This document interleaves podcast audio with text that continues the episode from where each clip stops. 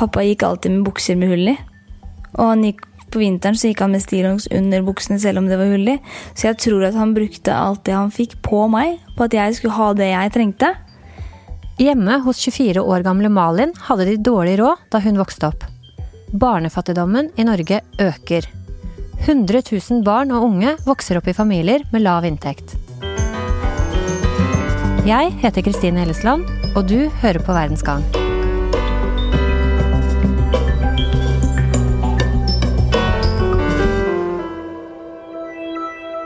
Erna Solberg sier at barnefattigdommen kommer til å øke i årene som kommer. Det er ikke sånn at Norge er et land hvor ingen barn går sultne til sengs. For nå vet vi at det finnes barn som gjør nettopp det, og de blir stadig flere. Hei. Hei, hei, kom inn. Du, ja, denne her ruller og går. Du fant fram, da. Ja, hei. Kristine. Hei. Hei, hyggelig. Jeg har dratt til Malin, som er 24 år og som bor på Lørenskog. Du har pynta til jul allerede? Ja, ja, ja. Jeg er glad jeg var tidlig ute. Malin vokste opp sammen med faren sin, som hadde dårlig råd. Jeg tror ikke jeg visste at vi hadde dårlig økonomi, eller at vi var fattige, eller så. Det er veldig omfattende ord, da. Og, så jeg skjønte nok ikke sånn sett, men jeg skjønte at vi var annerledes. Og jeg tror jeg vet at Eller jeg tror som ungdom og når jeg ble eldre, så skjønte jeg kanskje mer av hvorfor jeg følte meg annerledes. Og det handlet jo ikke bare om at vi hadde dårlig råd, f.eks. Det handlet jo om mange andre faktorer som spilte en rolle inn i livet mitt, da. Eh, men eh, det var jo bursdager og konfirmasjon og eh, sånne høytider på en måte, da, hvor du gir gaver og sånne ting. Det var da jeg la merke til at eh, venner fikk ofte større, store gaver, fine gaver som var populært på den tiden. Og så kom jeg da med kanskje en litt liten gave som ikke kostet så mye, da. Um, og da ønsket jeg på en måte ikke å For det her ble jo prat om. Ikke sant? Jeg fikk jo høre det etter hvert på skolen. Og da hadde jeg ikke akkurat veldig lyst til å komme i den andre sin bursdag, til eller bursdagen til de populære jentene. Ikke at det var så mange bursdager. Jeg husker jo ingen bursdager heller. Jo, jeg har fortrengt veldig mye av barndommen min og mye av fortiden. Så mye ting jeg ikke husker. Sånn som jeg husker jo at jeg var i den ene bursdagen hvor det skjedde. Men jeg vet at eh, litt i forhold til at pappa fortalte meg ting, da, at jeg ikke var, hadde lyst til å dra i bursdager. Så jeg sa alltid at jeg skulle til farfar, at jeg ikke skulle være i Oslo den helgen f.eks. Stadig flere barn vokser opp i fattige familier, eller i familier med vedvarende lav inntekt. I 2017 var det 10,7% av alle barn under 18 år. Det tilsvarer mer enn 100 000 barn. Det er mange skoleklasser, og tallet er mer enn tredoblet siden 2001. Johannes Heggeland, assisterende generalsekretær i Kirkens Bymisjon. Dere har jobbet fram rapporten Snakk om fattigdom. Hva er hovedfunnene? Blant de 100 000 barna du fortalte om nå i innledningen, så, så er det noen som har det skikkelig vanskelig. Og som er i en livssituasjon som er mer alvorlig enn det vi kanskje har det, det vi pleier å tenke om, om barn som vokser opp i fattigdom i Norge. Det er mer liksom omgripende, mer, ja, mer grunnleggende livsbehov da, som, som, ikke blir oppfylt. Og når, når, du sier omgripende, hva legger du i det? Jeg legger i det at når, når, barn vokser opp i familier som har veldig dårlig råd, eller familier i fattigdom, så, så får det konsekvenser for ja, mat, ernæring, skole, fritid, nettverk, bolig, ikke minst. Så det, det, det griper liksom inn i alle områder av, av livet da, til den unge. Har du noen eksempler på hvordan hverdagen til noen av disse ungdommene er? Ja, I denne rapporten fra Kirkens Bymisjon og responsanalyse så har vi jo sett at, at det er en del barn som, eh, som går sultne til sengs. Eller som, som, stiller på skolen eh, uten matpakke, eller med en litt sånn fake matpakke. da, som, eh, Fordi en rett og slett ikke hadde mat i kjøleskapet. Så det gjelder sånne ting. Og, og vi hører òg fortellinger om barn som, ja, som ikke har råd til nye klær, som går med vinterskoa teipa sammen gjennom vinteren og hullete klær. Det er så, såpass grunnleggende ting de, de, forteller oss om at de har mangla i oppveksten. Eller at en har vokst opp i eh, en kommunal bolig med veldig utfordrende oppvekstmiljø. Eh, og i miljøer der det ikke er sunt for barn og unge å vokse opp. og det var bare ett rom. Eh, så jeg sov jo sammen med pappa eh, fram til jeg ble såpass gammel at eh, jeg må ha senga sjøl. Da flytta pappa på stua. Vi med Vi har aldri vært heldige med naboer, f.eks. Det er, mye, mye tull rundt i det nabolaget. Um, og da er det liksom alt fra en, en Jeg syns det blir så dumt når de på en måte for, I en I to etasjer, da, så er det bare narkomane, da. Og så resten opp så er det liksom på en måte mer eh, normale folk, på en måte. Og det syns jeg blir dumt, og på en måte Vi slenger de der. Eh, men, men, det var jo mye liksom, Da blir det jo mye sprøytespisser, brann. Det har vært eh, selvmord ved blokka ved siden av. Altså slåsskamper i gatene.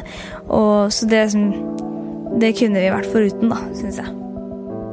Mange av de dere har snakket med, forteller at de har opplevd mye skam og var flaue over egen familiesituasjon. Er fattigdom et tabu i Norge i dag?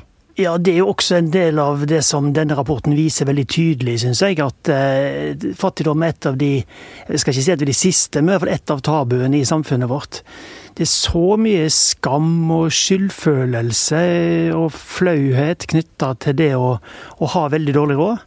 Og liksom være den som som skiller seg ut, da, på en måte. Som ikke mestrer det å betale, eh, betale vanlige utgifter. Det er en, en av ungdommene i rapporten forteller om, om da han eller hun eh, oppdaga at, eh, at, foreldrene hans var den eneste som ikke hadde betalt egenandelen på, på håndballturen til Stockholm. Og hvor utrolig flaut det var. Og sånne øyeblikk er det mange som forteller oss om. Eh, mye skam. Mye skam knytta til dette. Og hvorfor er det så vanskelig for oss eh, rundt å snakke om, eh, om dette? Jeg tror det, det er litt sånn mm, tabubelagt for, på mange nivåer i samfunnet, dette. For de som opplever det, naturlig nok. Men òg for ja, til og med for myndighetene som har ansvar for dette. Vi ser jo i vår rapport hvordan eh, kommunepolitikere, eller de som har ansvar for mm, tiltak i kommunene, også noen steder eh, lar være å snakke sant om fattigdom, fordi det innebærer en type ja, et slags nederlag for, for vår kommune. Tenk at vi skulle måtte snakke om fattigdom hos oss, som om det er et problem, liksom. Eh, da må jo vi ha, ha svikta. Eh, men, og det, det, det å skape noen barrierer, da. Og så tror jeg at eh, folk flest er litt sånn ja, kanskje litt blinde i forhold til dette. Fordi eh, den rapporten viser òg at eh, fattigdom er noe som gjelder mange flere enn det vi tror. Og så er vi jo redd for å, å tråkke inn i andres liv på en måte som blir ugreit. da, sånn, så Vi blir sjenerte og syns det er vanskelig å spørre. og så det er noen sånne ting som, som slår inn, tror jeg. Malin klarte ikke å skjule følelsene sine. Hun var mye sint. Ja, da er det så vanskelig å hjelpe. Og på grunn av at jeg utagerte sånn, da, så var det noen som så meg. Ikke sant? Og det er ikke alle som har den voksne som ser deg. Og hvem var det som så deg? Eh, det var eh, Jeg hadde eh, Ja, det var for så vidt egentlig alle lærerne jeg hadde så meg veldig godt. Eh, men jeg hadde en som, eh, som sa at eh, jeg kunne ringe han når som helst. Om det var kveld, om det var dag eller om det var natt, eller, så kunne jeg bare ringe. hvis jeg trengte å prate, liksom. Det, og selv om jeg aldri gjorde det, så det å vite at dette her kan jeg Det er noe med det å bare vite at jeg kan ringe denne personen. Selv om jeg ikke gjør det. Eller selv om jeg ikke kommer til å gjøre det. Jeg veit at jeg kan. Uh, ja, for i rapporten uh, så ser jeg at dere deler fattigdom inn i tre typer fattigdom. Den ene er kanskje den som er lettest å få øye på. Det er der familieforholdene er sammensatte og turbulente og gjerne har en tilleggsdimensjon av rus, kriminalitet eller vold. Den andre er den midlertidige fattigdommen, som Eh, er barn som vokser opp med foreldre som har økonomiske problemer i perioder av livet. F.eks. hvis en enslig mor blir syk, og så blir hun frisk igjen og kommer seg ut i jobb. Og så er det en tredje kategori, og den kaller dere den private fattigdommen. Fortell om den. Det er vel kanskje den som er vanskeligst å få øye på, fordi den private fattigdommen er, er Der er det ofte en, en utside eller en fasade som ser helt OK ut. Sant? En familie som bor i et helt greit hus eller leilighet osv. Men, men det er en del familier som har enten så stor gjeldsbyrde eller har et forbruk som gjør at, at pengene likevel ikke kommer barna til gode. Um, og, og, og, situasjonen for de barna kan være like alvorlig som for barn som vokser opp i mer um, økonomisk fattige familier. Da. Denne private fattigdommen er jo den er vanskelig å få øye på, og den er jo lettere å, å skjule. Sånn, når, vi, når, vi nett, eh, når, vi, vet hvor skambelagt og tabubelagt eh, fattigdom er, så, så vil vi jo gjerne holde det skjult. Eh, når vi erfarer det. Og mennesker i denne situasjonen, mm, med denne typen fattigdom, klarer å holde det skjult i større grad enn hvis du liksom bor i en kommunal bolig og er mer åpenbart fattig. da. For Malin var det at hun ikke fikk dratt på hyttetur med faren sin, noe av det hun savnet i barndommen. Eh, men vi har f.eks. bare vært på én ferie sammen. Jeg har ikke fått hatt den opplevelsen Jeg har ikke fått hatt den opplevelsen hvor jeg kan dra på hyttetur med pappa. De fleste familier også har jo hytter hvor de kan dra til i vinterferien eller ja, et eller annet sånt og koble litt av. da. Og jeg vet at det er mange ungdommer som liksom 'Å, jeg skal på hytta. Jeg er der sammen med mamma og pappa og lillesøster. Orker ikke.' Ja, det er mange som Og på en måte så skjønner jeg det hvis det er ofte, og du er ungdom. Men jeg har aldri hatt den opplevelsen hvor liksom Jeg skal på hytta. Og det er så I tillegg så er det så norskt. Jeg skal på hytta. Men nei, jeg har aldri liksom fått Jeg har vært med på hytta med en ekskjæreste, liksom, men det er ikke det samme. Jeg har lyst til å kunne dra på hytta med pappa, på en måte, som barn, da. Så. Vi hører at det blir flere barn som vokser opp i fattige familier, og den negative utviklingen ser ikke ut til å snu med det første. Erna Solberg sier at barnefattigdommen forventes å øke også de neste årene. Hva gjør Norge for å redusere fattigdom? Ja, Norge gjør jo i hvert fall for lite for å redusere fattigdom. Og eh, det har vi jo sett gjennom eh, ja, under regjeringer av ulike farger de siste åra, for å si det sånn. Eh, og fra 2000 og fram til nå så, så har jo antallet barn i, i fattige familier tredobla seg.